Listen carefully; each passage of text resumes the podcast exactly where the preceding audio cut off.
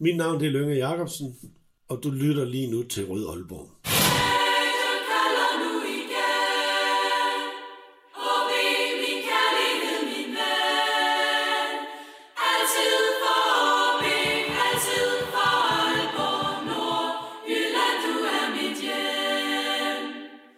Er der nytårstømmermænd i OB efter en skidt slutning på 2019? Øh, er der nytårstømmermænd hos fansene efter bestyrelsesformand Fristrups udtalelse om, at folk kun kommer for underholdning og ikke for fodbold?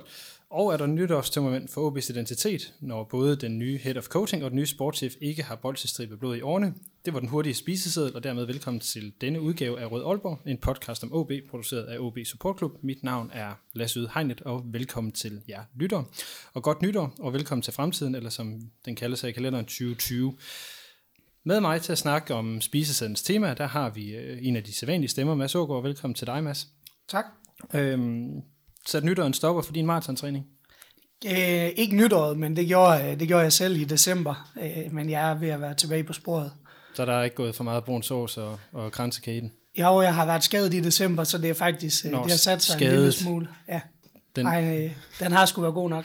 Men øh, det er nok lidt ligesom OB ja, det kan vi jo tale videre om. Derudover så har vi en, en øh, allerede rasende Christian Rutmann, øh, OB-fan og formand for øh, DFF. Øh, det er lang tid siden, du sidst har været med, Rutmann. Hvordan går din jagt på en, en perfect season? Det går strygen indtil videre. Altså, der var jo lidt far for øh, kampen mod øh, HB Køge, men øh, så var HB-spilleren trætte, og mandskabsvognen blev efter på Fyn. Og så blev den kamp udskudt, øh, i hvert fald hvis man skal tro øh, HB Køge selv. Øh, men øh, jeg, jeg, jeg sad nemlig i Grønland, da den skulle spilles normalt. Øh, så, men øh, jeg kom hjem og øh, fik den klaret, så indtil videre, så rammer vi den. Og bare lige for, så alle er med, hvad er en perfect season? Der hvor man ser alle kampe, eller alle gældende kampe øh, i en indværende sæson.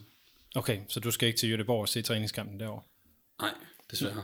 Okay, så er den i hvert fald øh, på plads. Vi har øh, som sagt en, en øh, tre, tre emner, vi skal igennem her. Det, vi starter, øh, hvad hedder det, øh, lige med lidt opvarmning. Øh, vi har forlænget kontrakten med Christoffer Pallesen til 2024. Hvad tænker I om det, også i forhold til sige, perspektiverne på, på højre bakken? Jeg var overrasket. Øh, jeg synes, at han har spillet bedre i det her efterår. Betydeligt bedre, end hvad, hvad han har, har gjort tidligere. Øh, og der begynder der også at komme noget stabilitet, men jeg har nok ikke set, at vi har skrevet øh, fire år med en... Øh, jeg kan ikke huske, om han er 29, eller om han er blevet 30. Øh, Han er i hvert fald deroppe bag. Ja, og det sender jo et signal om, at man måske egentlig... Man kan håbe på, at det sender et signal om, at der er et eller andet i ungdomsafdelingen, som man, man satser på i årene fremover, og så øh, har man Pallesen som en øh, habil backup, øh, fordi jeg forestiller mig ikke, at han øh, holder Superliga-niveau i fire sæsoner mere. Ej, det, det har jeg også svært ved at forestille mig. Jeg har også svært ved at forestille mig, at han ligesom bliver... eh, Altså, han bliver aldrig en, en, en ny Dalsgaard, eller i nærheden af det, kan vi jo nok kan allerede konstatere her efter et par sæsoner. Ja, og det tror jeg også lidt af hans udfordring, at han hele tiden bliver holdt op imod Dalsgaard, mm. fordi øh, det niveau, han har vist her i efteråret, har egentlig været sådan rimelig øh, stabil, men når man sammenligner med, at øh, vi skibbede en landsholdsbak af, og øh, den seneste, der var efterfølgende, Joachim Mæle, mindede jo meget om, øh, om Dalsgaard, og har jo også vist sig efterfølgende at have rigtig stor succes og, og rigtig godt niveau, øh, og det når Christoffer Pallesen ikke, øh, men forhåbentlig har han øh, stabiliseret sig til at blive en stabil Superliga-spiller. Det virker i hvert fald sådan på, øh, hvad hedder det, Ruben, øh, du har, nu har du konstateret, at det er Mads, der skal tage den første halvdel her af udsendelsen, fordi det er den, der er mest fodboldfaglig. Jamen, det er jo fodboldtræneren. det er rigtigt. Men hvad har, hvis du nu tager, tager tribunebrillerne på, hvordan er det så at have en forlængelse med Pallesen?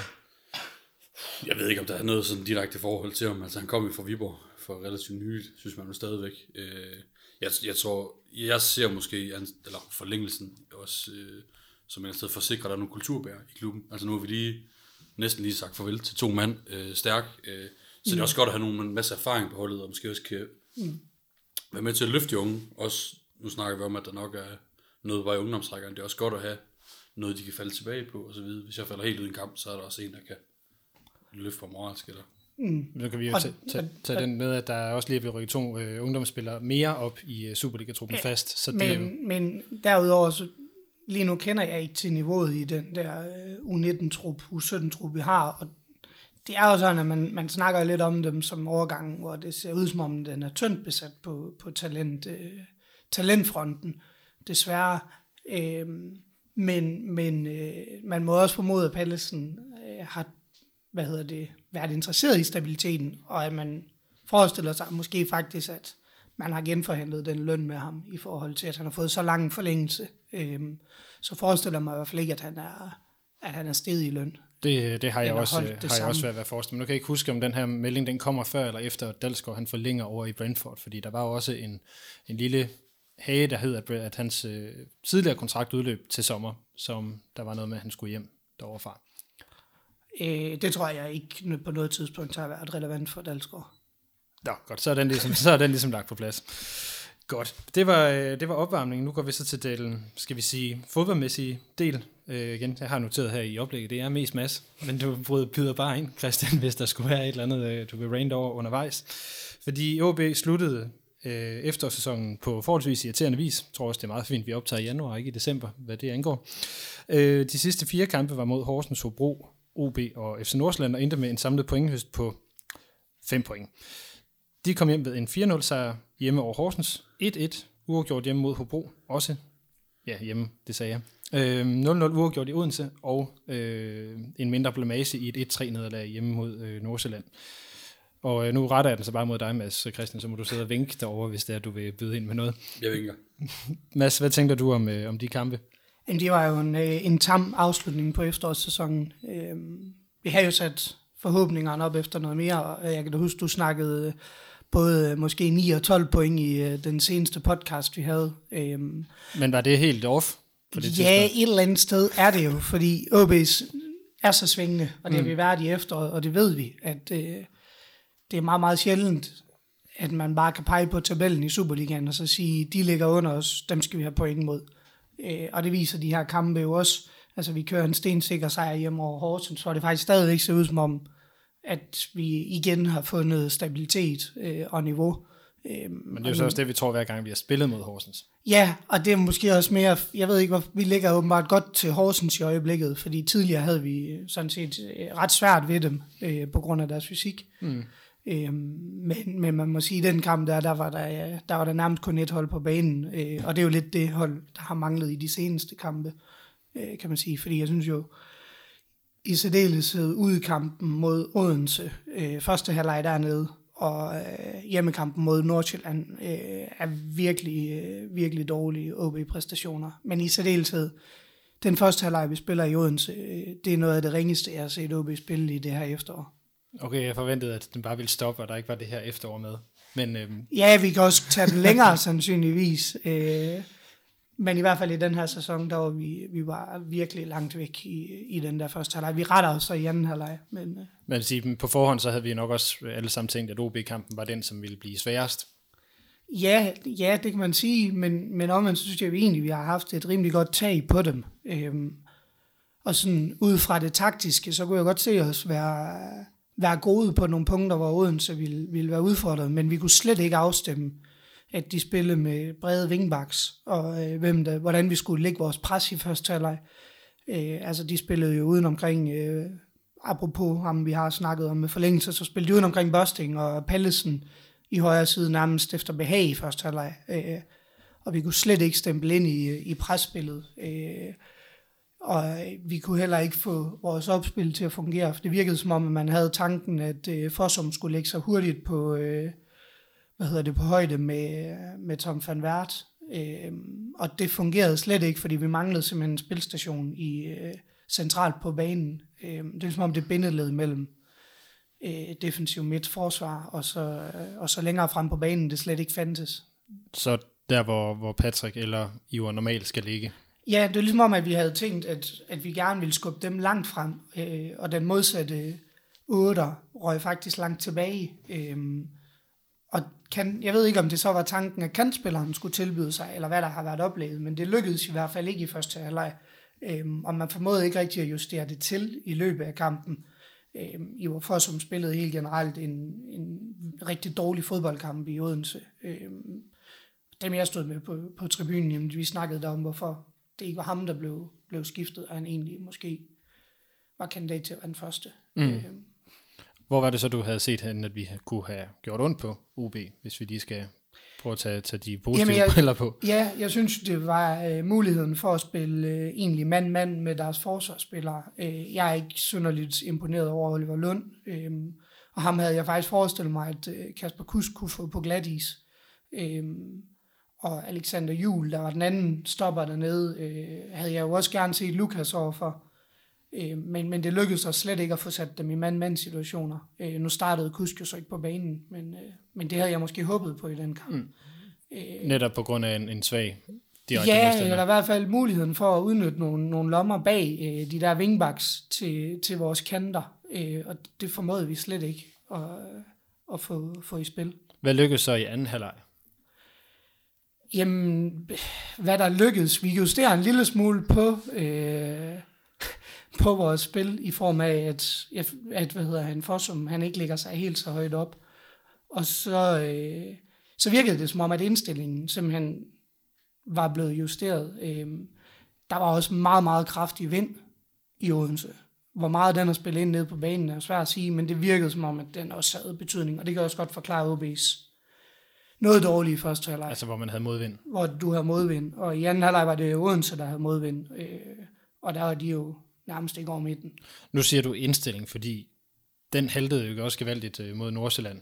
Øh, I hvert fald, man bliver kørt over øh, fra første fløjt. Ja. nærmest. Jo, altså det, øh, den kamp, der virkede det slet ikke som om, at det er svært at sige, at man ikke er til stede, men, men det var også det, spilleren udstrålede bagefter. Mm. Øhm, men i særdeleshed er det jo Magnus, der har en øh, ganske rædderlig første halvleg. Øh, det er jo ikke et jubilæum, han vil huske tilbage på. Øh, han koster det første mål, han koster i og for sig også mål nummer to. Øhm, fordi den er svær at gardere sig mod Kudus øh, vip, fordi man ikke desværre midterforsvaren er simpelthen ikke klar over, at Magnus han hænger to meter bagved, og giver mulighed for, at, At der ikke offside. at bakken jo bare kan løbe på tværs bag forsvaret. Øh, så altså, og det, det sender et signal om, at altså, vi slet ikke er til stede derefter. De virkede rystet om mm. på, på den start. Men det er jo ikke første gang, vi taler om det, når vi taler om OB den her sæson. Eller det seneste år, for den sags skyld. Nej, som, som vi har jo snakket om en del gange, så er vi jo svingende. Mm. Øhm, det tror jeg desværre bare, vi må indstille os lidt på. Det er jeg, lidt, jeg er det lidt ked af at sige det. Nu, øh, altså, vi har så har vi en periode, hvor vi piker, øhm, og lige nu er vi, er vi, har vi været lidt nede. Øhm, og i særdeleshed øh, bunder det jo også tilbage på, at jeg synes jo, Lukas ikke har desværre holdt det høje niveau, vi har set tidligere på efteråret. Han er jo han er faldet med, med resten af holdet her mod afslutningen af, af efteråret. Øh, selvfølgelig kan der finde situationer i enkeltkampe, hvor han laver, laver gode ting. Det vil jeg også forvente med, at det gør han jo i samtlige kampe. Der, Ja. der er jo altid en detalje, man kan tage med. Men jeg synes bare, at det, det blev meget karakteristisk, at han gerne ville have, øh, have mange touch på bolden, øh, og ikke få fart i spillet. Øh, og det, det hæmmer en del i OB-spil. Og så noget af det, vi har snakket om tidligere, som jeg også synes stadigvæk mangler, det er jo, at vi har en spiller, der kan løbe dybt. Ja, det er jo det, som Børsting så har været brugt for som erstatning Ja. for, for Kusk. Ja, jeg tror primært Børsting også har stillet med, fordi at han arbejder tilbage i banen Mm. øh, som hovedårsag. Og så havde han jo en, en kamp, hvor man egentlig tænkte, hvad er det lige, de har proppet i Frederik Børsting, den der mod Horsens, hvor han øh, spiller angriber og når først på alt øh, Ja, score. og scorer. Han scorer jo sådan set tre gange, hvor øh, man kan så sige, det ene skulle have været godkendt. Øh, hans mål, der bliver godkendt, skal måske annulleres. Øh, men, men en kamp, hvor han virkelig er til stede, og man tænkte, den, det er jo lidt kendetegn for OB, at Bosting har været rigtig svingende, og haft virkelig gode kampe. Øh, Horsens, Silkeborg tidligere på efteråret. Øh, men har virkelig også haft kampe, hvor han ikke har været til stede. Øh, Det er jo, som du selv siger, kodeordet, det er svingende, fordi mm, nu har Magnus en dårlig kamp mod Nordsjælland, men han har jo faktisk også haft en masse gode præstationer i løbet af efteråret. Det samme med, med Lukas, som du også siger, er, er faldet i niveau. Ikke? Så det er jo et, mm, det der med, at man ikke kontinuerligt præsterer højt alle sammen. Der altid er et par stykker, der, ja, der falder lidt for meget igennem. Ja, og det er jo det, der er udfordringen, fordi havde vi nu nogle spillere, hvor bundniveauet var, altså, var til, at det kan godt være, at de ikke shiner hver gang, men at de ikke falder så dybt, at man koster to mål i en kamp, eller som Bosting, at man nærmest ikke kan tage, at lægge en aflevering over 3 meter i den ene kamp, og så næste, der øh, sparker man alt ind. Øh, altså, og det er jo det, der er udfordringen. Hvordan får man hævet bundniveauet på de spillere, vi, vi har i dag? Øh, og øh, altså i særdeleshed Magnus, synes jeg, nu får han en træls afslutning på efteråret, men jeg synes faktisk, at man må ikke underkende det at have en, en sekser liggende central, som kan bryde bolden, og som, han bliver aldrig den, der skal slå øh, drømmepasningerne. Det skal vi affinde os med. Men jeg tror, jeg kan fri så meget tilfreds med det, han har, har leveret undtaget. Han har også været en, en, god, altså, en god sekser i det her defensive oprydningsråd. Den ja. her sådan, den gamle virtuelle, hvis vi skal tale om ja, det på den måde, ikke? At, at, at han jo faktisk har fået skærmet forsvaret ret godt. Og så er han, altså, han er en dygtig boldspiller. Øhm, nogle gange bliver han bare lidt for nonchalant, virker det som om. Øhm, og så kan man sige, den mod Nordsjælland, altså, øh, han koster på, at han hænger bag forsvar, og så vil han lave en, en dribling midt på banen, der også, hvor afleveringen ikke sidder efterfølgende. Øhm, og, og det, er jo, det er jo sådan nogle ting, der er med som fodboldspiller, men de skal selvfølgelig ryddes ud. Øh, og, og, men, men Magnus har hævet sit niveau over det seneste halvanden to år. Øh, i særdeleshed i det seneste år. Øh, har han også, jeg, har han også ramt de her tre, fire fulde sæsoner som seniorspiller? Ja. Tre sæsoner, hvor du ligger omkring de der 100 Superliga-kampe. Der, der har vi også set tidligere, at der er mange af vores unge spillere, de begynder at ikke at toppe, men have et meget anstændigt niveau. Ja, og jeg tror, altså Magnus, jeg tror ikke, Magnus bliver en, hvor man tænker, han bliver vores næste store salgsobjekt, men han kan jo blive en spiller, som vi har i truppen i øh, rigtig mange år, og en stabil, øh, rigtig stabil Superliga-spiller. Øhm, og også en, der så får, ender med at få frygtelig mange kampe for klubben i ja, øvrigt. det kan jeg også godt se ham gøre, øhm, fordi han er, han er stabil, og han, nej, nu er han ved at lære at gøre tingene simpelt, og ikke have de her, øh, det er selvfølgelig Tom, der snakker om efter sådan en kamp, men ikke have de der kæmpe store udfald, som man så i starten. Øhm, fordi han har ret beset nu Lyng, eller Lyngby-kampen i første, synes jeg, han er prisgivet, fordi der virker det ikke som om balancen er der på midtbanen, men der kommer Magnus til at se, se dårligt ud, fordi resten af holdet er i voldsom ubalance. Mm. Øhm, men ellers synes jeg egentlig, at han holder et, et stabilt niveau i det her efterår. Så lad os prøve at kigge, øh, kigge fremad, fordi vi ligger aktuelt stadig i top 6, godt nok som nummer 6 med 28 point, er point med nummer 7 og 8 i FC Nordsjælland og Lyngby. Foråret inden slutspil byder på seks kampe. Det er mod Silkeborg, Brøndby, FCK, Lyngby, Esbjerg og AGF. Og med, i de her sæsoner med slutspil, der har det vist sig, at man skal have 36 point, og så lærte vi jo så sidste år, at man også skal have en god målscore for at komme i top 6, så det vil sige, at vi skal have 8 point, øh, og muligvis flere. Kan I se at sende de point i, øh, i de, øh, de kampe, men du er ikke ud råden, mand. Ja, kritisk. Hvor, hvorfor kritisk? Ja, jeg, jeg, jeg synes, det, der, er, der er nogle svære kampe imellem, og øh, historien viser også, at selv de lette kampe kan vi ikke engang vinde. Så, øh, men der er plads til at blive bedre, end det har været her til sidst. Altså, jeg har, jeg har jo konstateret, at vi starter ud mod Silkeborg, og det må jo være et af de hold, vi må forvente, at vi skal hente øh, nogle af pointene mod. Yeah. Øh, yeah. Problemet er, som jeg har oplevet, at vi faktisk er rigtig dårlige nede i Silkeborg. Jo, men, men øh, vi har jo ikke så meget endnu øh, at bygge på i forhold til, at de har fået kunstgræs dernede. Øh, og det gør jo Superliga-kampen anderledes, og dynamikken i den anderledes. Og alt andet lige, så bør vi være øh, teknisk et dygtigere hold end øh, Silkeborg, og det burde komme til vores fordel, at vi skal spille på kunstgræs øh, i Silkeborg. Øh, og i særdeleshed håber jeg jo, at vi stiller med, med Kusk, at han er kommet i at han er, at han er i form, øh, fordi Silkeborg vil være en modstander, han synes er sjov at spille imod. Helt sikkert. Øh, og Lukas øh, vil også synes, at det er, at det er et sted, der, der sandsynligvis er sjovt at spille mod, fordi bolden den går altså, som han vil. Øh, der er ikke alle mulige hvad hedder det, ujævnheder, eller dårlig bane, eller noget som helst. Øh, så vi skal ud og spille øh, en gang fodbold, hvor vi spiller hurtigt, øh, og væsentligt for Silkeborg ud at løbe.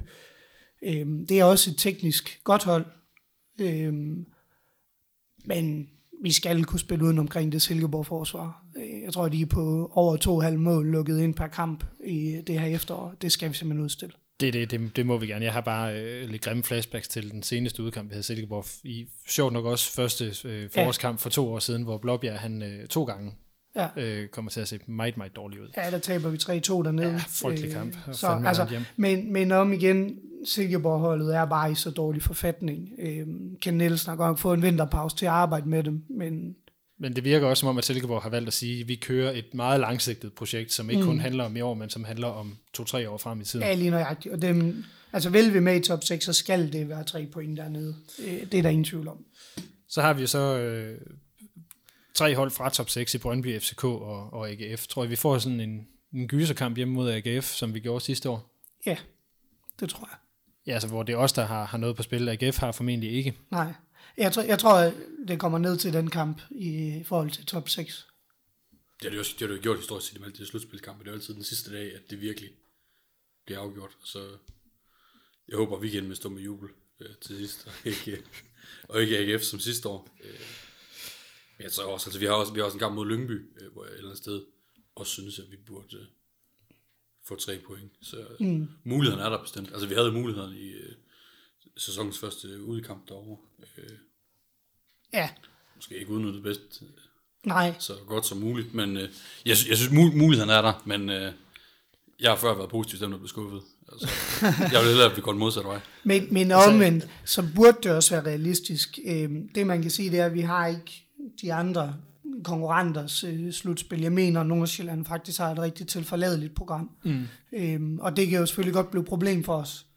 Øh, fordi det er en af dem, der kan komme op bagved, som, som ikke ligger, sig, øh, ligger et point efter os, mener Nej, de, de er point. Ja, de er point 28, ligesom Lyngby er. Øhm, og, Øhm. og det er også det, jeg er bange for. Så jeg regner faktisk, altså nu har jeg sagt, at det var 36 point, det krævede for at, at komme, altså tid, historisk set for at komme i slutspillet. Jeg tror, vi vi skal have, vi skal have 10 point i de, i de seks kampe der, før det er, det er sandsynligt, at, at vi er i slutspil. Og det, som der blev pointeret øh, fra Peter Brygman, da jeg lagde det regnestykke op på Twitter, det var, at det er næsten to point i snit per kamp, og OB's gennemsnit for den her sæson er altså 1,4. Ja, Så det er nok lidt urealistisk at forvente. og det er jo også det, der er vores udfordring, fordi nok kan vi sidde og se på hver eneste kamp og sige, Silkeborg over Lyngby, burde vi være et bedre hold ind, men på dagen er Superligaen så tæt, øh, og holdene er så ujævnet i forhold til deres præstationer. Det er jo ikke kun OB, der er det, det er jo også vores modstandere. Ja. Øhm, så, så på den måde, der, der har du jo en række ubekendte, og der må vi jo bare sige, at realistisk set, så henter vi ikke øh, henter vi ikke det antal point i forhold til, at, øh, Hvis hvad, vi- der er, hvis vi hvad også- der er målsætning. Hvis vi tager meget sådan øh, hårdt på statistikken, så er de her seks hold, vi skal spille mod, der er der også kun to af dem, hvor vi i de seneste 10 kampe, inklusiv træningskampe, har hentet mere end 1,4 point i snit. Ja. Øhm, og det er mod Lyngby og, og Esbjerg. Så det er ikke lovende tal eller noget som helst andet, vi, vi kigger ind i. Nej, og man har København ude, altså det er jo traditionelt en øh, afskrevet Yes. kamp for OB. Farvel og tak. Det, det plejer vi, øh, det er meget sjældent, at vi præsterer i, øh, i parken, øhm, og der er meget langt imellem det. Øh, Så det vil være, det vil være en ret stor overraskelse, hvis vi går derover og øh, tager noget med hjem. Det er det. Så er der fem kampe tilbage. Altså man kan sige, FCK spiller jo selvfølgelig heller ikke det bedste, de har gjort. Øh, de var heldige mod Hobro, og de, de har et par kampe her til sidst. Men de Men også, ret beset, så, så skal vi være glade, hvis vi får noget med derovre fra. vi kan heller ikke, øh, altså de har jo også en, en Europa League øh, kamp mod selv, kampe mod Celtic, de skal varme op til, så de kan jo være, at de kommer ud og er faktisk i rigtig fin form øh, Ja. efter den her vinterpause. Det er jo også det, der er problemet, ikke? det er den her ubekendte i vinterpausen, hvor vi jo ikke ved, hvor de andre de ender med at stå Nej. i virkeligheden. Lige nøjagtigt. Og så må man også sige, at skal jeg prioritere de to FCK-kampe, Ja, så vi har vi jo en tre dage efter, tror jeg det er på hjemmebane i øh, Aalborg i i pokalturneringen, pokalturneringen. som jo, vi må nok gå ud fra, at man prioriterer højere at vinde den kamp, end at vinde over i parken.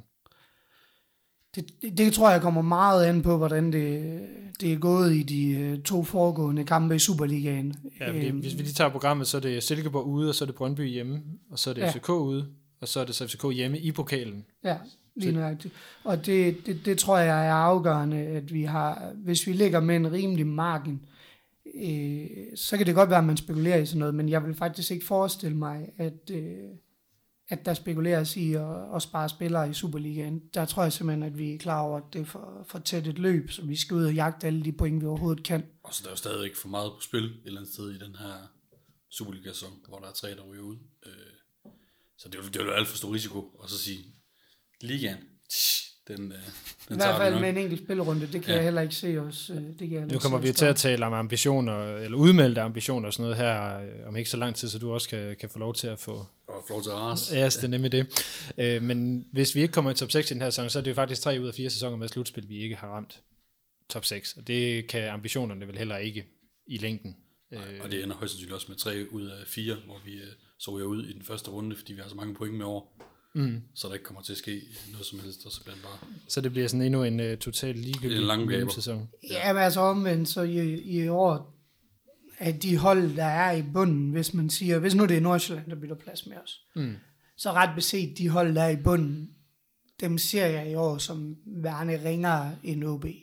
Øhm, det kræver, at vi kan motivere os i det slutspil, og der har vi jo selvfølgelig godt nok haft øh, noget kun udfordringer i de seneste sæsoner, øhm, men, men det skal man simpelthen kunne, hvis det kommer derhen. Øh, og så skal vi simpelthen kæmpe med om den der, Syvende plads. ja, som, giver, som jo giver kval. Øh, Europa Cup playoff kamp. ja, det er sådan er der. runde et. ja.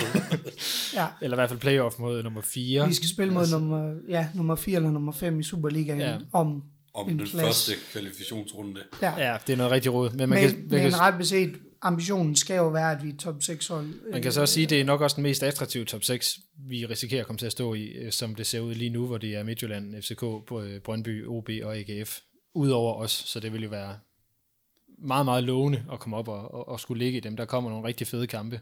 Ja, det vil det. Øhm, Også nogle... Ah, der, er, der er langt til København, vi får tænker jeg, i forhold til Aways, men de kan lade sig gøre. Ja, ja, de kan lade sig gøre. Man får i hvert fald en, en række fede hjemmekampe. Øhm, virkelig fede hjemmekampe.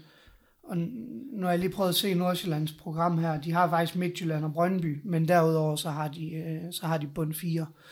Øhm, så man kan sige, de... Man, De skal nok også hente de der øh, 8, 8 point, som, Ja, ja, som vi snakkede om, ikke? et eller andet sted, så har de også lidt den der øh, OB-syndrom, at topniveauet er højt, men bundniveauet kan også virkelig være dårligt.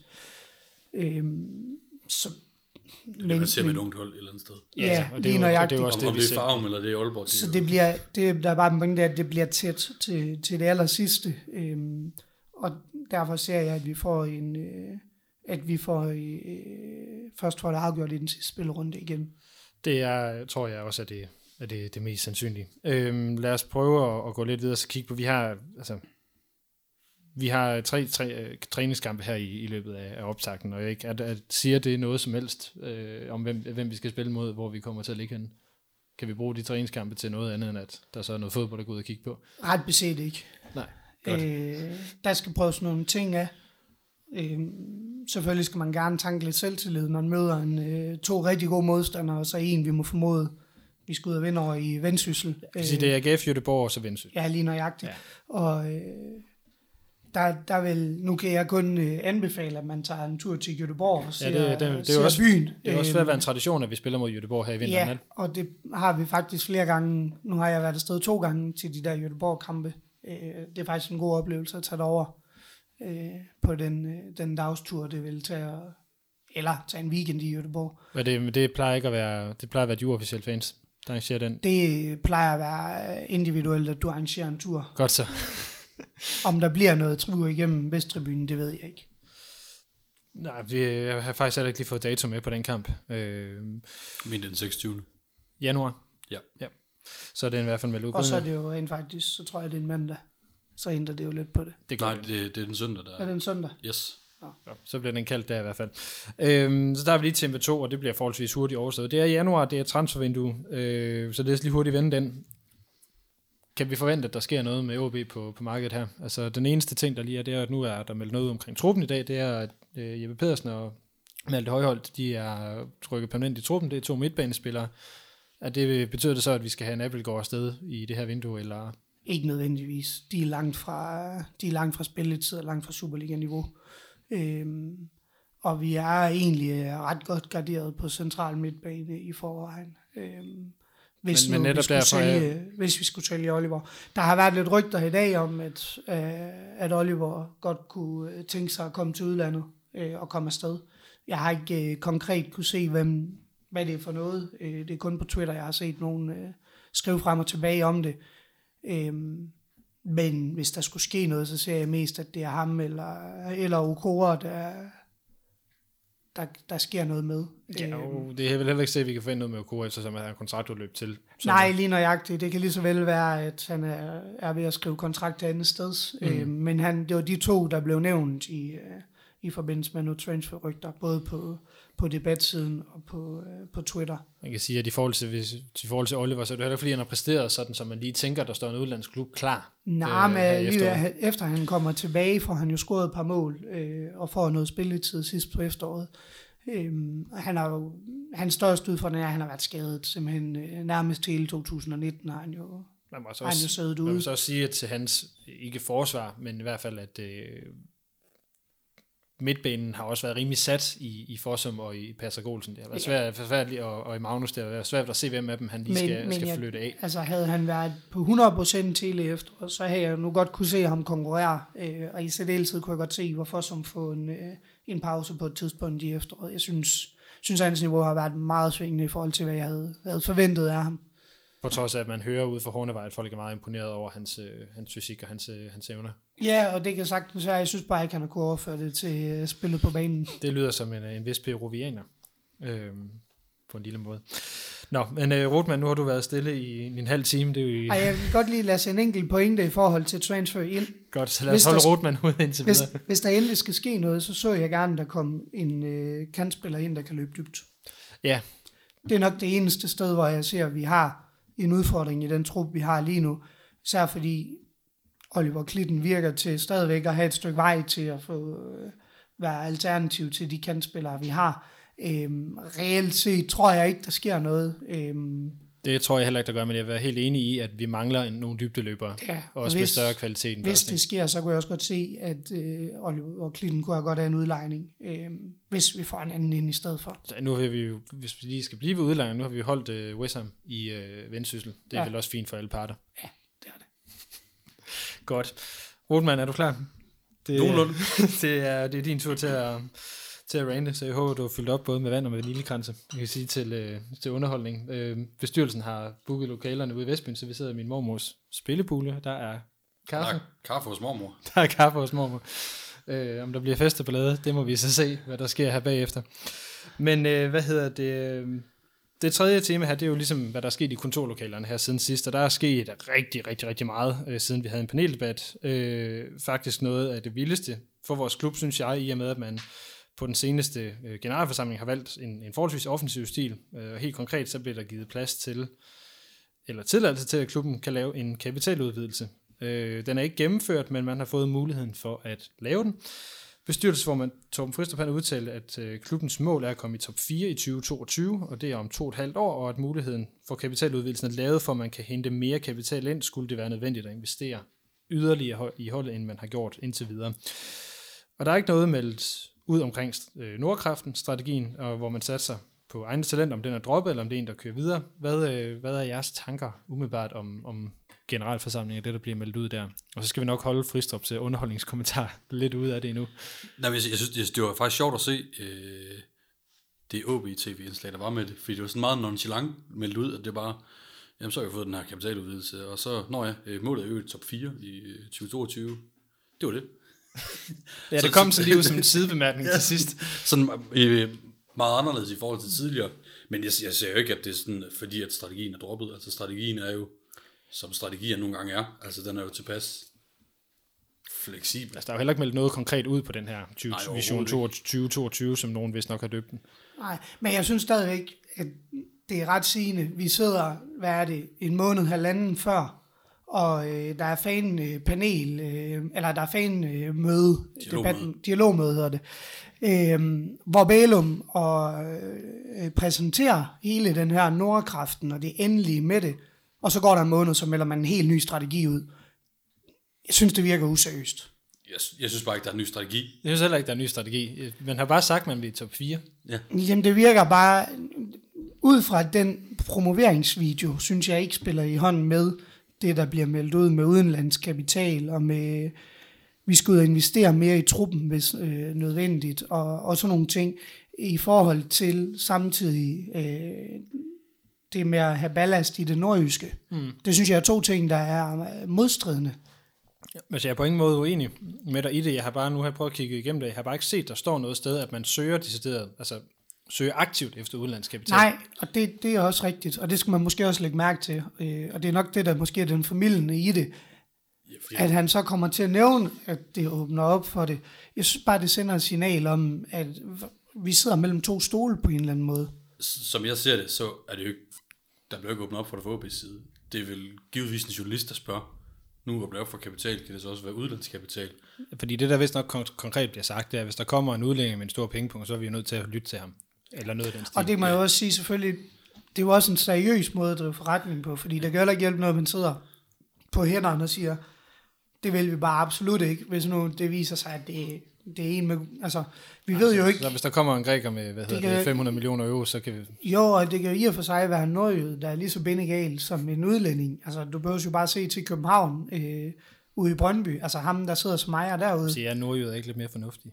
Jo, det håber jeg da. Men, men han, han virker jo, altså, han er Brøndby-fan, men det har jo ikke ligesom gjort, at han er i stand til at drive en klub øh, sundt og, og rentabelt. Men jeg tror lige præcis det eksempel er jo også skrækscenariet, og det er jo ikke første gang, at de har sådan personlighed øh, inde i. Og, Nej, nu er den anden person, der er vist på vej tilbage. Det bliver rigtig sjovt, faktisk. Ja, ja, ja, og Men- men- jeg, jeg, jeg tror også, der, der er jo nogen, der måske ser det, uh, det er fedt, at der kommer ind og spiller noget kapital i. Men jeg tror også, der skal man også huske tilbage, hvis vi skal tage visionsvideoen tilbage, det der, med, man får ikke noget for ærende. Altså, Mm. folk, folk afleverer ikke bare, her er 20 millioner, hyg jer. Altså, det, der, det er jo ofte noget for noget. Skal, skal vi ikke også se den her mulighed for kapital, kapitaludvidelse som en, som, som Fristrup selv siger, en rettidig omhu i forhold til, at man har haft underskud de seneste år, så man faktisk gør sig klar til at sige, i stedet for at man skal ud, ud af ingenting og så hive 100 Jo, millioner hjem. men, men det, det, jeg synes, det, jeg synes, man glemmer lidt, det er, at vi har jo faktisk vidst, der er aldrig, nu ved jeg godt, at øh, Stefan Schors, han røg ud med, på et tidspunkt, men han har aldrig lagt skjul på, at der ville komme fire, fem år, hvor vi afskriver, og hvor vi vil have underskud. Det er der kalkuleret med. Og det synes jeg lidt, at når nu man så rander på, at, at vi har røde tal, så glemmer OB-fans faktisk, at det er jo de penge, vi investerede tilbage, som, hvor det så ud som om, vi havde kæmpe overskud, der investerede vi jo en stor del af penge. Vi afskrev i- dem bare ikke i på samme tid. Ja, og spillere ikke mindst. Mm. Altså, vi afskrev dem bare ikke på samme tid. Vi har lavet kontrakter på 5 år, 4-5 år på mange spillere. Ergo afskriver du over mange år. Så det vil sige, at Basogok-handlen går ind som et plus i et år, men en Lukas-kontrakt bliver afskrevet over fem år. Ergo vil det også påvirke vores, øh, vores ting. Og selvfølgelig ser det ud som om nu, at det måske er endnu værre, end hvad de havde kalkuleret med. Det kan godt være. Men han har Og så også investeret, har også været lidt dårligere. Ja. på. ja, og man har, Men, man men har ret investeret mere offensivt har vi, for at komme tilbage har på vi sporet. vidst, og det har der aldrig været lagt skjul på, især ikke fra Stefans side, om at vi ville få år, hvor at vi vidste, der ville komme underskud, men det er simpelthen fordi, at man allerede har investeret de penge, der kom ind dengang. Øh, og det synes jeg lidt, at OB-fans er slemme til ikke, eller har svært ved måske at, at, at kigge igennem på nogle ting. Jeg synes nogle gange, det bliver meget øh, Meget dystopisk. Ja. Øhm, Men man kan sige, det er jo også det der med, at, at, at vi måske, altså vi tænker kun sæsoner, en Ja. sæson tilbage i gangen, og nu har Bælum trods alt været her i lidt mere end et år. Det er jo faktisk allerede, i min verden har han også været her i lang tid nu. Ja, men selvfølgelig skal vi jo også se en udvikling øh, i forhold til at stabilisere tingene igen, fordi vi kan jo heller ikke fortsætte med at have underskud i de næste 4-5 år, fordi så begynder vi jo igen at have en negativ egenkapital øhm, Der bliver likviditetsproblemer. Ja. ja. og likviditetsproblemer. Det er nok nærmere den, der bliver vores største udfordring her på kortbanen. Det bliver jo likviditets... Det og, kan og, blive og, og det er det lys, vi skal se den her mulighed for kapitaludvidelse. Det tror jeg i høj grad, ja. Øh, Ja, men jeg ved ikke, om man decideret bruger kapitaludvidelsen til likvide midler øh, nødvendigvis, eller om man... Indtil videre ved vi jo heller ikke, hvad den skal bruges til. Den er jo bare gjort mulig. Der er jo Ja. ikke, Man har jo ikke sagt noget om, om, om emissioner, eller hvor det skal ske henne. Nej, jeg synes også, altså nu, nu bliver der sagt, at det er for at investere i truppen, men jeg, jeg synes også, at vi har set på det seneste, at der også bliver investeret i stablen udenom truppen. Altså man også kigger på at, et eller andet sted at få administrationen op i gear, øh, også til at kunne konkurrere mm. på de bedste mulige vilkår, for vi ser jo, altså, det er jo ikke nogen hemmelighed, vi, vi hiver ikke nok sponsorkroner ind. Det kunne også være en sammenhæng med, om vi ikke kan pleje vores sponsorer godt nok. Mm. Så vi er nødt, til at investere. givet syd på.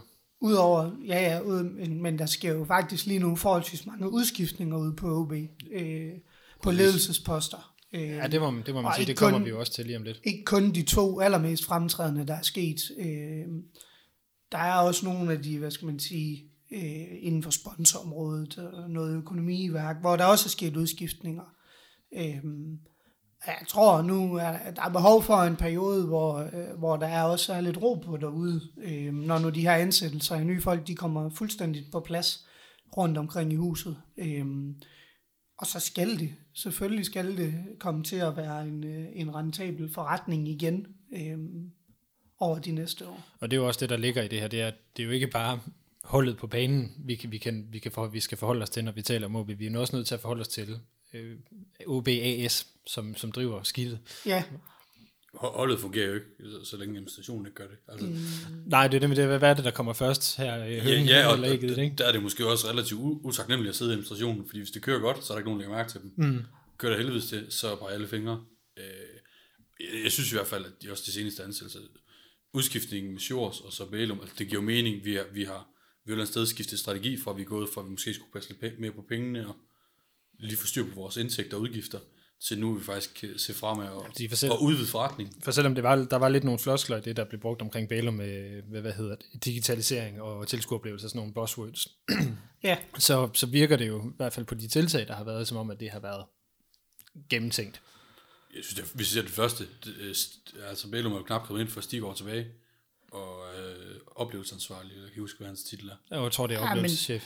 jo, men det, det, det tror jeg faktisk for skal være, at det måske mere var det, der var på den anden side, der råsag til, end det egentlig var noget internt i HB. Øh, Jeg synes bare, det siger noget, at man nu et eller andet sted også får det perspektiv ind, hvor sådan en rolle tidligere lagt på Salon, som nu også har mulighed for at være et sted Men- for Jo, at jo, bedre. og det, jo, jo, det er rigtigt nok, at han er kommet ind i en anden defineret rolle øh, i forhold til den, han havde, inden han forlod OB. Øh, Ja, der var han jo bare, bare marketingchef. Nej, han var ikke Nej, han var ikke marketingchef. Marketingchef medarbejder. Medarbejder, sorry. Ja. My bad. Det, men det, der, det, jeg også har bemærket i forhold til Bælum, det har også været øh, gentegningerne med Spar Nord, øh, som jo også, altså, hvor der er nogle sponsorater, som er kommet til at se anderledes ud, end vi har set den tidligere. Og om det så øh, giver flere penge i, i kassen, eller om det er nytænkende i forhold til sponsorblind, det er jo så et, et, et godt Jeg spørgsmål. tror, så, jeg tror lige præcis, Spar, øh, Spar Nord til så også skal tilskrives Spar Nord i høj grad, der måske også har vendt på hovedet, hvordan de ser sponsor, fordi at det er ikke længe siden, at de, øh, vil, at de fik plastret et helt øh, sektion til med deres logo. Mm. Hvor nu ser vi lidt, at de går den modsatte vej og nærmest fjerner deres logoer. Ja, det er, jo, det er jo så rigtig meget med, med Anders Stendal, der Ja, ja, sidder derude som, som deres marketingchef, det vil jeg gerne sige. Ja. Han er marketingchef, men hvad hedder det? Bælum har også øh, lavet nogle ting i forhold til, til Portland med at, at, at bruge dem på, på en anden måde, så, så det er ikke fordi, at, at det, det virker så, skal vi sige, så, så, så skematiseret, og det her med, at det virker mere skræddersyet, er egentlig bare det, jeg prøver at sige, øh, mm. efter at han er, er kommet til, hvad, hvad det angår. Men, men det, det er jo også tendensen her i tiden, altså den med, at man også anser sig selv for en mediehus. Altså OBS kan også producere indhold, som kan bruges for sponsorer. Nu så jeg, hvad Tandrup Busselskab også havde noget specielt. Det er sjovt, som kusk, han bliver brugt i samtlige af de der videoer. Jamen, jeg- han er en populær herre. Det er han tydeligvis. Han er i hvert fald med i dem alle sammen. Nå, lad os, nu, nu røg det i en anden retning. Lad os lige gå tilbage til det, som bliver meldt ud. Der bliver meldt top 4 ud. Hvad tænker I om det? Altså nu har vi ikke, har vi lige konstateret, at vi har haft svært ved her for fjerde år i træk at komme i top 6. Ja. Så, så hvorfor top 4? Øh, Ja, hvorfor top 4? Altså jeg er skideglad. Det er jeg Ja, det er, ikke, det er ikke tvivl om, Lasse. Men, men det må signalere noget om, at vi ikke længere vil ligge med, med hvad hedder det, Røven i ja, lige nøjagtigt i forhold til at komme med i top 6. Vi skal være, vi skal være et sikkert top 6 hold hvert år. Mm. Øhm, det er egentlig mest sådan, de her tolker udmeldingen. Øhm, og så skal vi have muligheden for, at vi faktisk kan konkurrere opad. Ja, altså vil sige, nu, grunden til, at jeg har rantet om top 4 i usandsynligt mange udsendelser efterhånden, så har det jo netop også været fordi, at når vi har sat sig på top 4, så har det også været nemmere at lave springet videre op.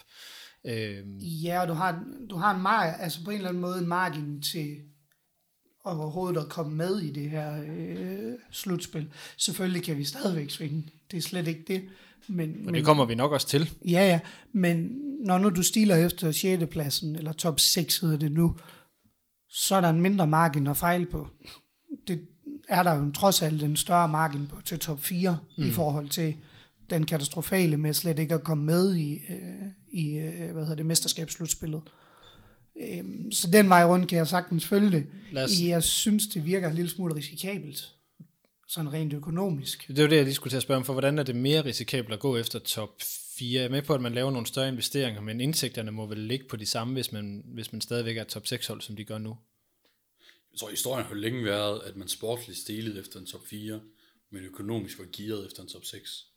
Så det handler jo om den økonomiske gearing, der sådan et sted er i forretningen. For der er, der er et stort spring, også fra 6. til 4. i hvad du får både i tv og præmiepenge. Øh, og det, det tror jeg også er et vigtigt, vigtigt perspektiv at tage med. Og så tror jeg også bare, når man åbner op for, at der skal flere penge i kassen, så skal man også sige, at man giver et eller andet mere. Mm. Øh, så, Så det er også for at gøre sig lækker for sponsorerne. Ja, for at sige, at det, vi skal ikke bare bruge penge til bare at gå og hygge os. Vi, skal, vi vil faktisk bruge dem til at Men igen kan man sige, nu, nu kommer jeg, nu vender jeg lidt tilbage til det her med en vaklen i forhold til udmeldinger. Da vi havde, Gorte han var ude i foråret og sige, at vi skulle skære ned på lønbudget, og vi skulle skære ned på forskellige ting. Øhm, hvor er- det, det virker jo som om, at man heller ikke længere er i den tankegang. Øhm, og det er jo fair nok, men, men jeg synes bare, at der kommer mange forskellige rettede meldinger. Mm. Øhm, men jeg tolker uden tvivl den her top 4 som, at nu kan vi jo i hvert fald ikke gå ind og spare på vores lønbudget. Vi kan ikke spare på spillerbudgettet. Øhm, Og I forhold til det, vi, det, vi gør nu. Øhm, Vi må også gå ud fra, hvis det her, lad os gå ud fra, øh, at, at Lukas nok bliver solgt enten til sommer eller næste år, at så skal vi, tolker jeg også det her som, at så skal man også investere meget offensivt i de penge, man får ind af ham. der skal i hvert fald, han skal jo i hvert fald erstattes, altså dullet. Mm. Selvom vi plejer meget ofte at sige, at spillere vokser, når andre forsvinder, så nægter jeg tro på, at vi har en intern, der kan, der kan vokse så meget, at han, øh, at han kan udfylde kus, eller hvad hedder det, Lukas sko. Øhm, så, så den vej rundt bliver vi jo nødt til at skal investere nogle penge, hvis, øh, hvis når Lukas ryger, øh, og vi gerne skulle få mange penge fra ham. Øh, fordi det ligger der uden tvivl også, øh, det ligger der også i, at vi har hentet ham hjem. Vi skal jo gerne tjene nogle penge på ham. Det er det, ligesom vi i øvrigt også kan håbe, at der kommer lidt penge for Mæle, hvis han nu bliver skudt afsted her i løbet Ja. af, af januar. Lad os lige gå tilbage til en ting, som jeg, jeg ved ikke hvorfor, Ruten, men jeg tror, du har en holdning til det. Øh, Fristrup, han sagde noget omkring fans, der primært kom for at se, øh, se god fodbold, og ikke nødvendigvis for resultaterne. Det fik blandt andet formanden her i, i EC til, til tasterne på Twitter og kaldte det en tåbelig kommentar, og det fornemmede jeg lidt, det var noget der også i den retning, der, der kom fra din, din kant af. Ja, altså jeg tror, man måske også, man skal have det fulde billede med øh, et eller andet sted. Der, Nu skal, der du ikke kommer, trække, nu skal du ikke trække i land. ja, jeg, synes, jeg synes stadigvæk, at den kommentar er decideret idiotisk. For ja. at bruge meget mildt, mildt betegnelse om, hvad jeg synes, det var. Men, men hvis man kigger sådan på hele forløbet, så kommer det jo med, at den her udmelding kommer, og det, der er åbnet op for kapitaludvidelse, og så kommer det her spørgsmål, konstatering, at man kan ikke se, se bort fra udlandske penge. Og nordiske fanger selvfølgelig den historie, og øh, med at der er nogen, der måske ikke er lige så begejstret for den idé, som øh, bestyrelsesformanden selv er, hvor han, hvor han så lidt nonchalant får langt ud, at fans de kommer jo bare for at se god fodbold, og det kan vi jo se på øh, Premier League, og hvad han ellers siger, lidt øh, mindre begavet ting i, i det interview. Altså, jeg synes også, altså, han har også en kommentar om Red Bull Aalborg, der jeg synes, det er decideret usmageligt for alle os fodboldelskere, der, der trods alt er i Aalborg. Ja, og, og man kan sige, nu jeg, jeg er fuldstændig på linje med Rotman. Øh, det, vil, det vil folk, der kender os også vide øh, lige på det punkt her. Og man kan sige, vi har jo harceleret tidligere imod, når nu der bliver lavet vanvittige beslutninger øh, fra folk, der ikke aner, hvad, hvad fodboldkultur er øh, for fodboldfans, og hvad betydning det har. Altså senest øh, eksempel var jo med et plastikkort, man fandt på, at vi alle sammen skulle have. Altså, den er lidt i samme boldgade for mit vedkommende, at man, man synes- tager os for givet, øh, og man, ikke, man tager os ikke seriøst som en samarbejdspartner. Men, men og, taler, og, prøver han ikke at tale til dem, som han godt, vi ved, han ved godt, at vi, at vi altid er der. Men t- Ja. taler han så ikke til dem, som han vil prøve at lokke væk fra ishockeyen og så derud? Det er bare et, helt- det er en helt anden kamp. For, Ja. for, for, for, hvis vi... Så ikke fra ishockeyen, så Ja, men, Jamen, men, jamen. men jeg tror bare ikke på, at... Øh, jeg håber ikke, at vi skal til, og det har jeg også sagt tidligere, jeg håber virkelig ikke, at vi skal være afhængige af, for at folk kommer på stadion. Det eneste, der har betydning, det er, hvad der spilles på banen. Vi skal have en... Øh, vi skal have Jeg tager lige en vaniljekrans, det er vældig underholdende det her. Ja, vi skal, vi skal jo have for- fortalt et dommer om, hvem OB er, og hvorfor du skal være OB-fan. Og det skal, det skal ikke udelukkende være, fordi at øh, vi spiller champagnebold på stadion, fordi så får vi sgu ingen OB-fans. Vi ved udmærket godt, at i løbet af de næste 10 år, der bliver der også tre dårlige, der bliver fem dårlige, der bliver måske mere, men derfor skal vi stadigvæk have OB-fans stående på stadion, fordi det skal være en identitetsfølelse, vi er fælles om. Og det tror jeg er væsentligt, at OB taler ind i, mere end at man taler ind i, jamen vi kommer bare, hvis nu vi alligevel får god fodbold. Det er ikke en måde at skabe nye OB-fans på. En måde at skabe nye OB-fans på, det er at sælge historien om, hvorfor er det væsentligt, at Aalborgenser, de støtter op omkring OB. Hvorfor er det væsentligt, at du har nærheden til det fodboldhold, der er tæt på. At, du, at de er tilgængelige. Vi skal tale ind i det, den historie. Kan man så det, når man har hentet en, en sjællandsk head of coaching og en norsk sportschef? Det tror jeg godt, du kan stadigvæk. Jeg synes, jeg synes vi, skal, vi skal bare kigge øh, nord i 45. Altså, jeg synes, nu skal vi ikke sidde og rose de andre klubber for meget, men jeg synes, AGF, AGF er et glimrende eksempel på, hvordan man kan opbygge en kultur, uden at vinde noget. Altså, det har de jo ikke gjort lang tid. gjort. Men, men, men altså, siden de, siden de var nede i første division og slog rekorder på tilskudstal, det er jo kun gået en vej for dem. Mm. Altså, de har nyder bedre og bedre opbakning, og har, finansielt går det også øh, rimelig godt, der uden øh, stage og alle mulige andre salg. Så, så, De har så også oppet sig på sponsorsiden, må man så i voldsom grad sige. Ja, ja, og, og det er jo så der, vi skal kigge på, hvad der sker i Aalborg, og, og hvor vi måske er haltet bagefter, også på grund af den konkurrence, der er mm. i Aalborg omkring sponsormarkedet. Vi mangler en bestseller-koncern bag os. Det er eller Selling Group. Ja, det kan godt være, det, det er nok egentlig Selling Group. Det er jo Selling Group, end, der er øh, over til øh, AGF. end, end, end det er. Men, men for at sige det lige ud, så bliver det simpelthen for svagt et grundlag, hvis det eneste argument for at være OB-fan, det skal være, at der er underhold. Det er, det er sådan, øh, FCK har brandet sig selv i en del år. Øh, og Men det de har, gør det ikke engang længere. Og det har jo ikke De engang... spiller jo heller ikke god fodbold. Nå, nej, men, men, men de har succes, og de har øh, faktisk også spillet rigtig god fodbold. Du kan se, hvordan tilskududviklingen har været i parken. Altså, det er jo endnu et argument for, at tingene ikke bare kommer med, at der spilles godt fodbold på banen. Der bliver simpelthen nødt til at skal være en kultur, man taler ind i uden for banen også. At man får skabt et fællesskab, man får skabt en selvfølge om, at i Aalborg er, øh, er man OB-fan. Fordi du er fandme fra Aalborg, du er fra Nordjylland. Det er dem, du holder med. Og det kan ikke hjælpe noget, at, og det er ikke kun OB, der skal ud og tale det op. Det skal de også bruge omgivelserne til. Og de skal inddrage fansen i et fortælling. Altså, det, det, er bare, det er bare så grundlæggende. Man kan jo også se mod Sverige, hvad, det, hvad de lykkes med derovre. Vel statuer, som sagt. Jo, jo, men der står ikke en fodbolddirektør og siger, I kommer bare, hvis nu vi spiller god fodbold. Det er ret set heller ikke fodbolddirektør, men en bestyrelsesformand, En bestyrelsesformand, undskyld. Nu skal vi der, der ret reelle. tydeligt viser, at han ikke ved så meget fundamentalt om øh, fodbold. Nej, men i hvert fald fankultur. Men, men, men, det er ikke også det, men, men, er det ikke også det, vi har i SLO og den daglige administration til at tage Jo, helt bestemt. Og, og heldigvis har de et andet perspektiv, Ja. end øh, deres øh, chefer et eller andet sted. Nej, han er jo så, han er jo så heller, i og for sig heller ikke chef, kan man sige. men bestyrelsesformanden men bestyrelsesformanden. Han har noget at sige, Ja. Har jeg hørt. Øhm, Men, men, men jeg, jeg, jeg, jeg, et eller andet sted, jeg synes bare, et eller andet sted, skulle han jo være stoppet, inden at det kom ud. Altså, det kan godt være, at han går rundt med de der... Det, det er lidt ligesom snakke fodbold med sin bedstefar. Nu ved jeg ikke, hvor kyndig jeg er, men det er lidt hovs, jeg snorsker, og så øh, forsøger vi lige at sige noget sjovt.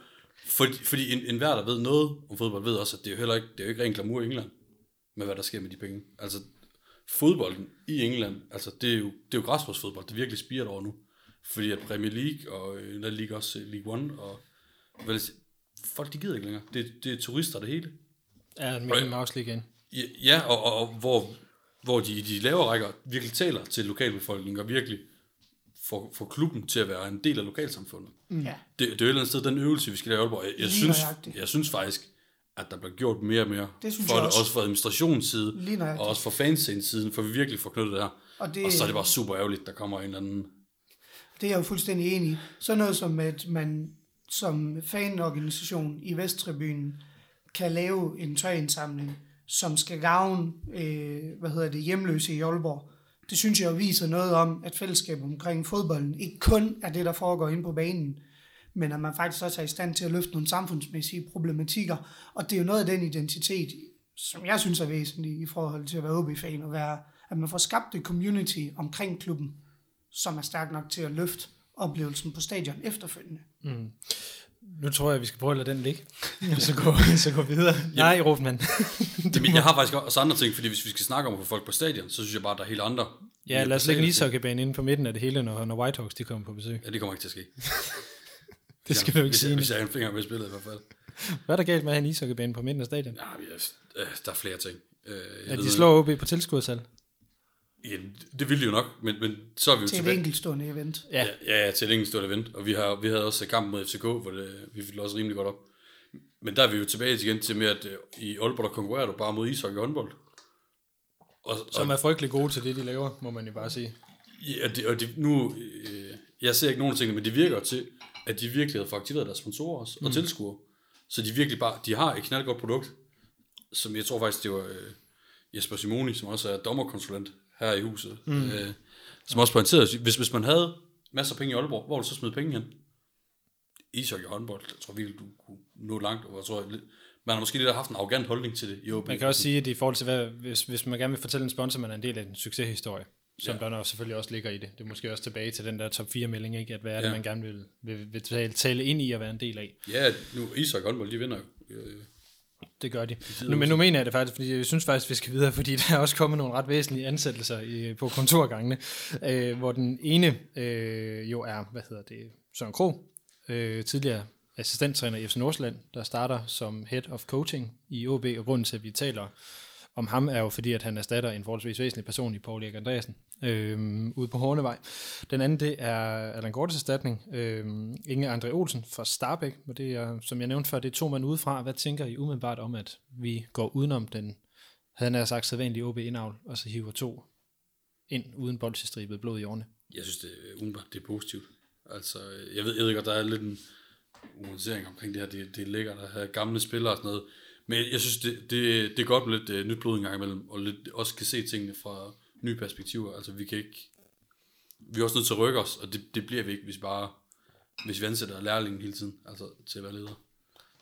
Nej, jeg er egentlig, jeg er egentlig lidt på samme, øh, hvad hedder det, boldgade som Rotman. Men det er jo også noget, vi har råbt så skrevet på i øvrigt i, i, i Ja, den her altså, studie jeg synes bare, flere jeg omgange. synes tit, man får det til at lyde som en diskvalificering, hvis man er gammel OB'er. Det synes jeg heller ikke, vi skal få det til.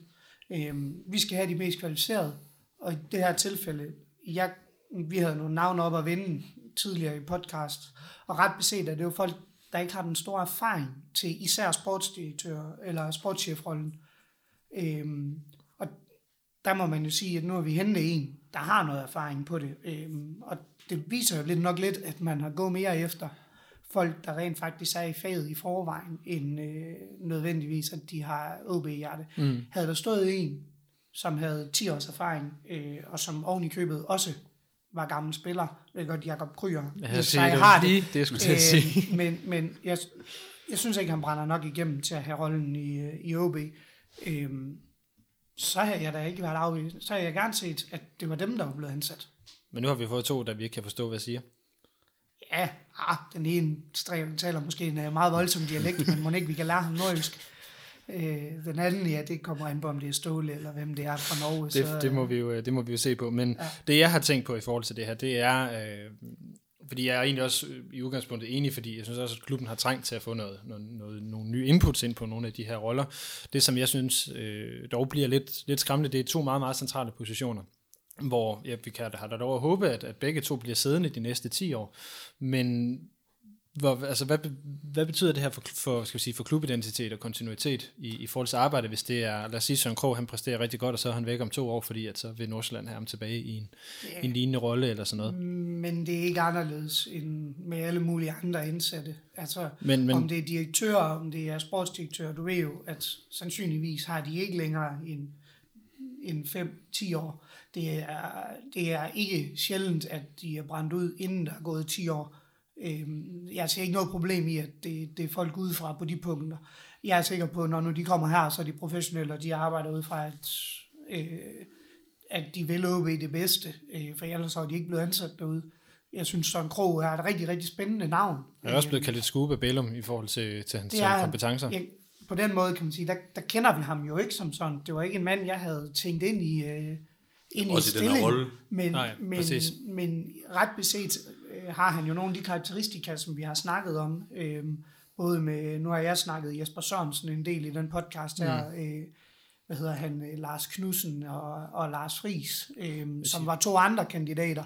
Altså, det er jo også, det minder jo meget om det. Øh, Også med det, jeg synes, der er særlig positivt omkring Søren Krog, det er at han kommer fra Nordsjælland, så han har en kæmpe erfaring med, med ungdomsarbejde, og også integrationen af unge spillere mm. på, øh, på Ja, for første det er vel nok den mest roste øh, ungdomsudvikling i hele landet. Mm. På trods af, at OB jo lige er, er, blevet, er det blevet meldt ud, at OB er den førende, når det kommer til øh, spilletid til Jeg, jeg, nu, nu når jeg siger ungdoms, så er det jo helt nede fra Lilleput, Det forstår og så, jeg godt. og så hele vejen op. Øh, og nu ved jeg godt, at jeg går lidt i, i sko med, med i clinch med noget andet, men det der er, det er jo spilleminutter for OB udviklede spillere. Det vil sige sådan en som Patrick Christensen Ja, ja. står ufattelig højt. Altså, der har vi jo nogle spillere, som det er 15 år siden, vi udviklede. Øh, hvor Og man det, kan det, vi jo også har- talt om flere gange, det er, hvor gode er vi også til at sælge dem videre, hvor, hvor meget får vi ud af de spillere, der altså, kommer det er op. jo det, der nok er den helt store forskel. Nordsjælland har jo ikke en spiller, der har spillet over i 10 år. Øh, De ryger relativt hurtigt. Ja. Så, så på den måde, jeg kan sagtens forstå, at vi, øh, vi bruger den, men jeg synes også nogle gange, den er lidt forfejlet i forhold til at sige, at vi har så god en ungdomsudvikling, øh, som, som vi gerne vil have det til at lyde som oppe i Nordjylland. Det, øh, det, det, det, det, er det er måske også, det, det, det, er noget, der er svært at sådan pinpointe og sige, hvor, Ja. god, hvor god er du til talentarbejde. Ja. Det her, det er bare den mindst dårlige af de metoder, du kan måle på. Fuldstændig, og, og, og jeg, ender, jeg siger ikke, at vi er dårlige på nogen måde. Jeg siger bare, at øh, der er måske også andre parametre at kigge på. Øh, og der er måske nogle ting, der spiller ind i forhold til, at vi har en del spillere i truppen, som både er 5, 6, 27 år, der udvikler i OB. Mm. Det er måske ikke nødvendigvis talentudviklingen i øjeblikket, der er skyld i, at, at de er der. En anden, tror jeg, væsentlig årsag til, det er sådan gået og tænkt over, at den er faldet på øh, Søren Krog, det er, at Nordsjælland bliver rost rigtig, rigtig meget i øh, de der forskellige DBU, øh, eller hvad hedder det, divisionsforeningens ranking af, er det ikke, er det ikke der sådan, øh, hvad hedder han, det er i hvert fald der, vi Ole har- Bjur, han sidder. Det er i hvert fald der, vi har fået nogle hug nogle gange. Nej, det er, ikke, er det ikke, jeg mener, det er divisionsforeningen, der har Ja, det. det er der, nu kan jeg... Øh, jeg det- kan ikke huske, hvad det kaldes, men Ole Bjur, han sidder og laver Altså, nogle det står i hvert fald ikke over på serveringsbakken, Rutmann. Men det, øh, øh, om hvordan, altså hvad der er i ungdomsafdelingen. Og noget af det, OB blev kritiseret allermest for, det var jo øh, at have nedskrevet deres øh, strategier, og hvor Nordsjælland er rigtig langt fremme på det punkt i forhold til at videreformidle, altså have det nedskrevet, hvad vi foregår, foretager os. Der har vi jo haft en tradition om, at det er rigtig meget øh, på banen, at vi er virkelig skarpe, men vi har, vi har brugt knap så mange ressourcer på rent faktisk at skrive, skrive alle de her jeg vil sige, øh, Paul Erik har jo heller ikke lige været kontormus som sådan. Han har jo Nej, langt men jeg tror på- stadigvæk, på, på altså- banen. Ej, han har set alle de gamle, han kunne. Ja, Og øh, det var noget af det, der overraskede OB i den der vurdering sidste gang. Og som de blev overrasket over, hvor meget vægt der blev lagt på øh, i forhold til øh, den her, øh, hvad hedder sådan noget, øh, Ranking. ranking af vores udvikling af spillere, hvad, hvad forholdene omkring trupperen. Og der tror jeg, at man skal se sådan en krog som øh, en årsag til, at det er ham, de har hentet ind, som at Nordsjælland har været rigtig gode på, øh, på lige præcis de jeg parametre. må indrømme, jeg har overhovedet ikke overvejet det, men det lyder meget plausibelt. Men, men det er i hvert fald, det, er sådan, det havde jeg heller ikke fra start af, da han lige blev ansat. Men jeg tror også, man har også været efter, øh, jeg kan aldrig huske, om det er Lars Knudsen eller Lars Friis, der har været øh, ungdomslandstræner for U16, øh, 17, men ham har man jo også været efter, mm. øh, en DBU-mand. Øh, han har jo været nævnt i, i stillingen, mm. og, og været ret tæt på, efter hvad man sådan har hørt øh, rundt omkring.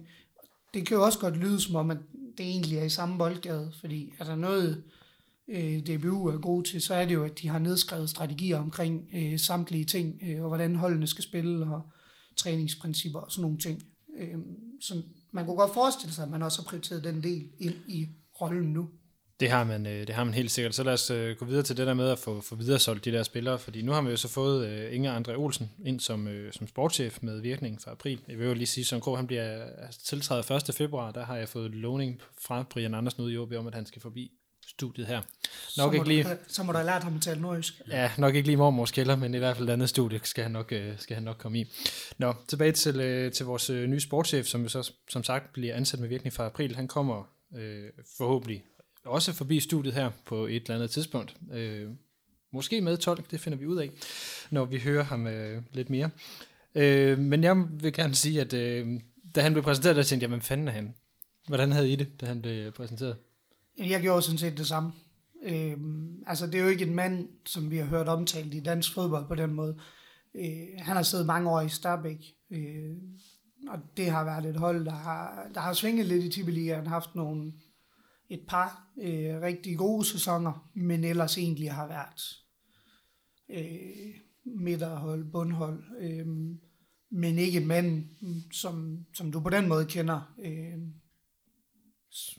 Nej, egentlig ikke. Han har 9 års erfaring som, som sportschef fra Starbæk, hvor han blev ansat den 1. januar 2011. Øh, han har nærmest ikke brugt en krone i indkøb, så han passer jo ret godt ind i det her med transferfri spillere. Øh, som vi ser, Wiener han, Liebtum. Wiener som vi ser, om han er med på den. Han er jo nordmand, så det er han jo muligvis beklager, hvis han hører det her. Øh, jeg var inde og kigge øh, nogle ting på transfermarkedet i forhold til salg og køb osv. Han har ikke brugt, ja, som sagt, en krone i indkøb, og så har han så haft nogle perioder, hvor han så har solgt op for en 15-18 millioner i en enkelt sæson. Det var i 15 og i 18, og så har senest, at han jo nok her i Danmark mest kendt for at have solgt øh, Børk til Brøndby, Mm. hvilket vi må konstatere var et udmærket salg. Ja, for Stabæk. Ja. øhm, så det er vel også noget af det, vi kan forvente af ham, det er, at han får lavet de her gode salg. Det er vel det, han er hentet ind for, grundlæggende. Godt er jo et sum af flere variabler. Så, mm. Men ja, det er da godt at have en, der tydeligvis er god ved forhandlingsbordet, og også til at kan skubbe prisen lidt op. Og det er også, nu har vi takket nej øh, flere gange, øh, kan vi jo sådan lidt udlede af det ved flere transfervinduer, så det er også spændende at se, om vi også kan bruge det der med, at vi stadigvæk har lidt, øh, lidt kapital til at kunne holde på, på spillerne. Jeg tror også, det, det påvirker også øh, salget positivt. Nu så vi selv Midtjylland, hvor gode øh, salg de har fået lavet, når de har kunnet holde på spillerne længe. Mm. Så eksempelvis det med at have en lang kontrakt på Lukas er også noget af det, der gør, at vi, øh, vi kan tjene flere penge på ham, når det er. Præcis, fordi så ved køber også, at de skal smide flere penge for at få fingrene i dem. Ja, det er der ingen tvivl om. Øhm, og, og som I siger, også det, at vi, vi har jo vist i de seneste transfer at vi faktisk er villige til ikke at sælge for, øh, for peanuts, øhm, Modsat tidligere. Modsat hvad vi nogle gange har været, også økonomisk har været nødt til. Øhm, fordi der er jo ingen tvivl om, står vi med et kæmpe hul i, i pengekassen, jamen så skal vi jo også, øh, så kan vi jo ikke sige nej til, til tilbud, der måske er lidt lavere end det, vi egentlig har prissat spillerne til. Mm. Øhm, så på den måde, der kan man jo håbe på, at, at han har noget erfaring. Øh, jeg er spændt på, hvad hans, hvad hans netværk er, øh, og hvor bredt han har netværk. Fordi det tror jeg også er en af de ting, der, kan, der jo er afgørende i forhold til, øh, til at sælge, øh, og ikke mindst hente, hente nye spændende spillere ind. Øh, og det, det har vi jo ret beset til, til gode at se. Øh, OB er meget afhængig af, at vi, øh, at vi har et, øh, et netværk omkring os. Øh, Nu ved jeg godt, de stadigvæk snakker om, at scouting-delen skal der opgraderes på. Øh, Det må vi også gå ud fra den næste opdatering, der skal ske. Ja, og det er jo, det er jo et af de områder, hvor, et, hvor et man har snakket om det i mange år, men man simpelthen ikke har kunne finde, øh, finde midlerne til det, øh, og i hvert fald har prioriteret anderledes indtil videre. Øh, men det stiller os tilbage med, at det er meget afgørende, hvad vores, øh, hvad vores sportschef har af, af hvad hedder det, kontakter. Øh, og det vil det også gøre i det her tilfælde, både med, med salg, men også med dem, vi skal have ind. Mm. Vi må håbe, at hans netværk er, er bedre end det, de har i Viborg. Så øh, er der vist ikke for meget sagt med det. Sige, nu, øh, jeg prøvede at kigge lidt ind i, hvad, øh, hvad engang der er for en størrelse, og det eneste sådan, sådan, lidt suspekte, jeg har fundet på ham, er, at der faktisk nok var en sag for en 5-6 år siden, hvor han ikke blev dømt, men der var noget med nogle tredjeparts ting, der var inde over. Øh, jeg ved ikke så meget mere om sagen. Det har været lidt svært at finde lidt, lidt oplysninger på den. Ja, og det er jo egentlig lidt, vi snakkede lige kort om den, inden vi, inden vi gik på, øh, men det man må konstatere, det er jo, at manden han blev siddende i, i Norge efterfølgende. Øh, Og blev, og, og blev ikke dømt. og Nok. blev ikke dømt, og sad der jo faktisk en hel del år, øh, så vi må gå ud fra, at, øh, at han har styr på, hvad han laver. Mm. Øhm, og så kan man jo også godt forestille sig, at når sådan en sag den kommer op, jamen, så vil man jo nok øh, være ekstra påpasselig fremover. Øh, og det, det håber jeg da, at, at han er her. Jeg kan heller ikke forestille mig, at vi henter en ind, øh, der i Norge måtte have et blakket ry. Øh, så man så må sige, den vej rundt har man jo, man har jo tjekket op på de ting. Det må man jo gå ud fra. Jeg går heller ikke ud fra, at man netop, øh, medmindre man er Viborg, går ind og laver en, en, en, en handel med, med sådan en mand, uden at man lige har stillet det der spørgsmål. Hvad handlede det der egentlig om? Nej, lige nøjagtigt, og Viborg, der er jo ikke noget, øh, de heller ville, end at de havde undgået den her sag, øh, og det er jo en, fodbold Danmark vil komme til at grine af dem over i, i mange år, men som man ret beset har svært ved at gardere sig imod selvfølgelig. Mm. Øhm, men, men jeg håber da ikke, vi bliver... Vi har jo lidt, i og for sig har vi lidt samme koncept. Øh, det lyder, Ja, det lyder ja, forkert at sige. Nej, men vi lever meget på Men vi lever jo rigtig meget på, at vi, øh, vi gør det så på den måde, at vi stiller øh, nogle gange mulighed for, at øh, nogle spillere, der absolut ikke har niveau til HB, de kommer og prøvetræner, imod at vi så senere kan øh, måske hente nogle attraktive spillere ved de agenthuse. Øh, blandt andet var det jo, det var tilfældigt, at vi øh, fik, hvad hedder han, øh, der var Basogok, der var i til, til Kina, at vi fik ham på prøve. Det var jo tilfældigt, øh, og der kan man sige, det gik jo meget godt. Øh, forskellen er måske, at vi ikke skriver kontrakt med dem, inden vi har set dem. Mm.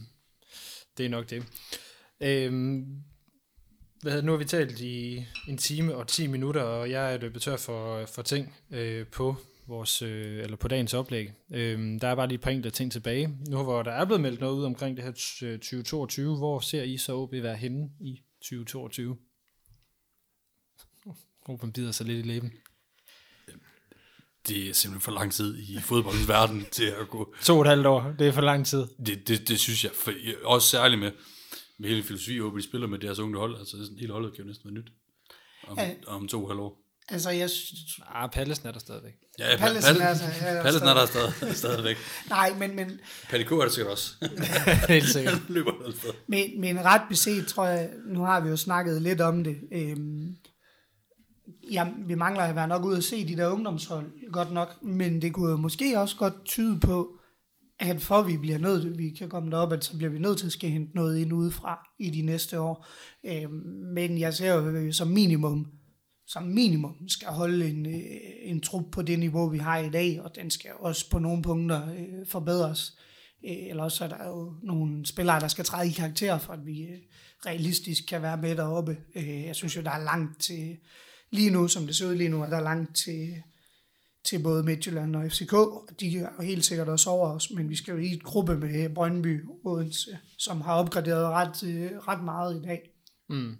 Eller de seneste to-tre dage. Øh, og Brøndby, øh, og så, øh, ja, de tre hold er dem, vi skal, vi ligesom IF, skal, altså, skal sammen. Ja, Okay, jeg, også, jeg troede øh, faktisk, jeg havde fået dem sagt. Ej, men det, lad, os, Øh, lad os glemme men- Aarhus, det er rigtig fint. Men det er de tre uden tvivl, og der kan vi jo i hvert fald ikke begynde at spare på, på pengene. Så altså, jeg tænker, Ej, når man- stadigvæk man- være offensiv i, Når, i når, det. når Odense går nok på fri transfer, men på, på tre dage hen- henter to af, af ligaens farligste, farligste offensivkort fra Sønderjyske. Og, Ej, nu- og Lida og Sa- Sabi har været gode spillere. Det tror jo, jeg ikke, jo, vi kan Sabi tage. har været god. Jeg, Mark Litter har, synes jeg har været, øh, han har været svingende. Man kan sagtens se kvaliteterne i ham, men, men jeg er overrasket over Odense at hente ham, vil jeg sige. Han skulle efter sine boder. Nå, hvad hedder det? Det er en øh, kæreste, der spiller håndbold der. Ja, det lyder som, ikke helt som fanvært, men derhen af. Mm. Øhm, hvad hedder det? Den, den anden ting, det var, hvor ser så, at vi er henne, når, nu så har jeg skrevet, hvor foråret slutter, det mener jeg selvfølgelig grundspillet. Jeg håber, vi er i top 6. Det var ikke, det, det, var ikke det, du skulle sige. Hvor, hvor er vi henne, Mads? Det der håbesvar, det tæller ikke. Ej, men så er vi positive. Men, okay. øh, ej, jeg, jeg, jeg tror, det bliver, det bliver svært, fordi vi har, som sagt, to øh, rigtig svære kampe, øh, og så har vi nogle 50-50 kampe. Så det er nordjysk for ikke i top 6. Jeg håber godt nok stadigvæk på, at vi skal i den top 6. Og det, det, ud, set ud fra spillertrup, og de penge, vi bruger på vores trup, så er vi ret beset et top 6 hold, og det skal vi også præstere til i foråret. Er du enig, Rotman? Jeg er pessimist. Ja, vi er, jeg, jeg frygter, at vi kommer til at få endnu en øh, levpostej-sæson, hvor det bare... Hvor lige snart grundspil er slut, så er vi også færdige med at spille fodbold, og så bliver det bare... Ja, det lidt, kunne man sagtens Lidt, lidt, lidt, tand og Er fjæs. det ikke bare sådan en form for anti du har gang i der? Nej. Jeg er bare ikke mere positiv. Nej, men, men altså, skal man spille op til det, vi bruger, og de spillere, vi ret beset har i truppen, Så så, så vi- skal vi i en så top skal- 4. ja, øh, uden men tvivl. derfra så til, at vi kommer det, der Men er stykke. bare konsekvent. Altså, det er noget det, vi, Vi er i er hvert fald svingende. Godt. Jeg vil lige sige sådan som, som serviceinfo, at øh, vi optager her den 7. januar, og podcasten kommer ud den 8. Øhm, det næste sådan store, store OB-event er, at vi skal forsvare vores øh, hvad hedder det, mesterskab i Inde-DM. Skal I afsted? Nej, desværre. Ja, Selvfølgelig. Perfect season. Ruller derover. den tæller ikke med. det tæller ikke med. Men det er på fredag i Odense. Ja. så det er jo også en lille opfordring her to dage inden, når I hører det her, og pakke bilen og køre til Odense, og så støtte drengene i... Ja, jeg ved ikke, hvor mange billetter der er tilbage. Men, Men øh, så, så støt drengene på tv. Nej, jeg tror, det var i går, der blev skrevet 50 billetter, ellers så var det foregås. Der er i hvert fald ikke mange tilbage, så det er en hurtig opfordring herfra. Øh, men det blev ja, en time og et kvarter cirka, øh, med rigtig mange aspekter omkring OB, så tusind tak til jer, der har lyttet med. Øh, og tak til Mads og Christian for tanker og input og for rant. Det var vældig underholdende. Selv tak. Øh, jeg synes, jeg holder mig tilbage. I introen talte jeg meget om nytårstur, men øh, de sidder stadigvæk lidt øh, her hos mig, så der vil igen gå et par uger, inden der er Rød Aalborg igen, men vi vender frygteligt tilbage, øh, og øh, i lidt mere end hver anden uge fra februar af. Øh, så tusind tak til igen til jer, der har lyttet med. Mit navn er Lasse Hegnet, Forza OB.